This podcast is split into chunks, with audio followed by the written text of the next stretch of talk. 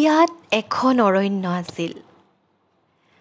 আমাৰ অতি প্ৰিয় অনুৰাধা শৰ্মা পূজাৰী বাইদেউৰ এই অনন্য সৃষ্টিক আহকচোন আমি একেলগে উপভোগ কৰোঁ।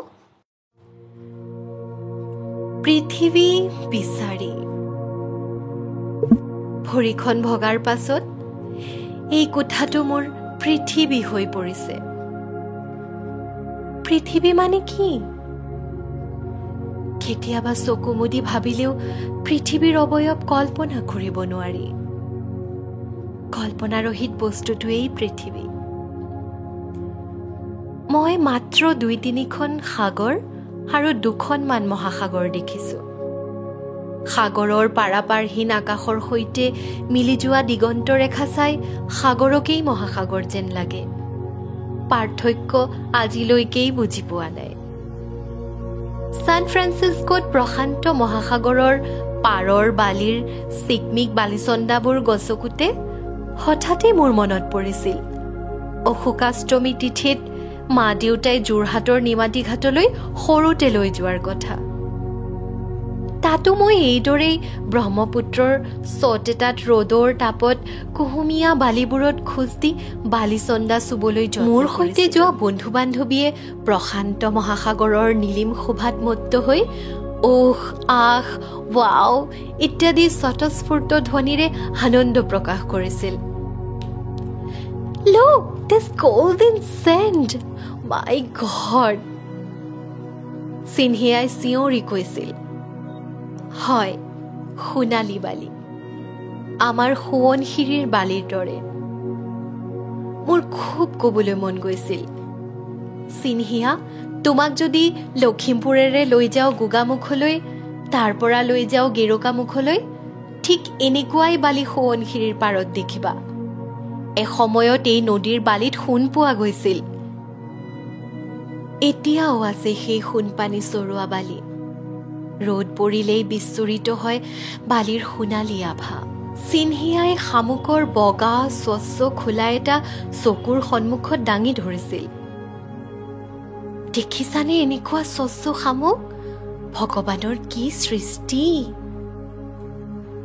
সঁচাকৈয়ে ইমান অপৰূপ নীল সোণালী স্বচ্ছ শামুকৰ খোলা মই কেতিয়াও দেখা নাছিলো। Have you ever seen before চিনহিয়াই মোকেই সুধিছিল আকৌ। ন নেভাৰ চিন। কেতিয়াও দেখা নাছিলো চিনহিয়া? মই বিস্ময়েৰেই ক'লো। হয় পৃথিৱীখন কিমান বিচিত্ৰ প্ৰাণী কীট পতংগৰ বাসস্থান? সমুদ্ৰৰ অন্তৰ্ভাগো দেখোন অনন্ত ৰহস্যৰ পৃথিৱী। এনেকুৱা কিমান কোটি কোটি শামুকৰ বাসস্থান এই সাগৰ মহাসাগৰবোৰ?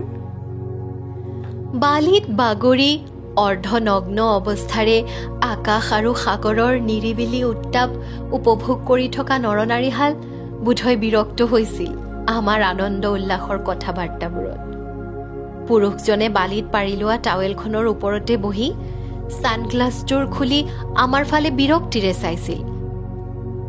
মই আৰু চিন্হিয়াই কথাটো বুজিব পাৰি চৰি বুলি সাৱধানে মিঠা হাঁহিৰে কৈছিলো।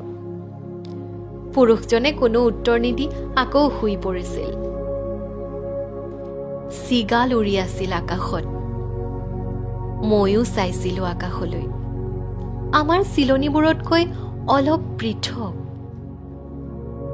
কিছুমান চৰাইক কিয় ইমান ওপৰলৈ উৰিবলৈ লাগে?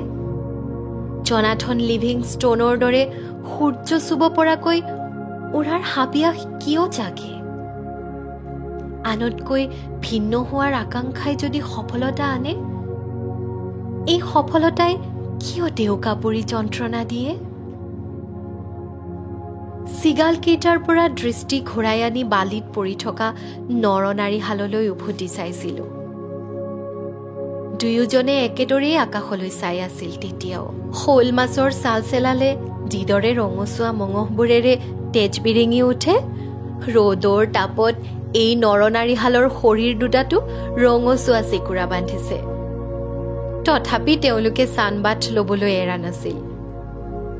আমি গ্ৰীষ্মপ্ৰধান দেশৰ মানুহে সূৰ্য স্নানৰ আমেজ কোনোদিনেই পোৱা নাই।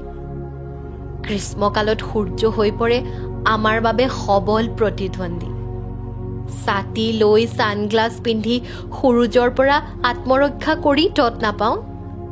খেতিয়কে জাপিৰে গা মূৰ ঢাকি বেলিৰ শক্তি বঢ়াৰ আগতেই পথাৰৰ পৰা উভতি আহে। শীতাৰ্ত এই মানুহবোৰৰ চিন্তা ভাৱনাৰ সৈতে সেয়েই আমাৰ অমিল। এটাই মাত্ৰ সূৰ্য আকাশত। অথচ আমাৰ হেঁপাহ আৰু আকাংক্ষাবোৰ কিমান পৃথক। সূৰুজৰ ৰেঙনি এস্কিমৰ বাবে একান্ত হেঁপাহ। অথচ মৰুভূৰ বেদুইনৰ বাবে সন্ত্ৰাস। তথাপি মেৰু এৰি গুচি অহা নাই এস্কিমই মৰুভূ এৰা নাই বেদুইনে। সূৰ্য নোপোৱা মানুহ আৰু সূৰ্যক বেছিকৈ পোৱা মানুহ কোনেও সূৰুজক লৈ আপত্তি কৰা নাই বাবেই চলি আছে জীৱন আৰু পৃথিৱীখন। মহাসাগৰবোৰ আছে বুলি পুখুৰীয়েতো কোনোদিন চকু পানী টুকি থকা নাই মই কিয় সৰু বুলি? পুখুৰী দেখিলেই মন চঞ্চল হৈ উঠে।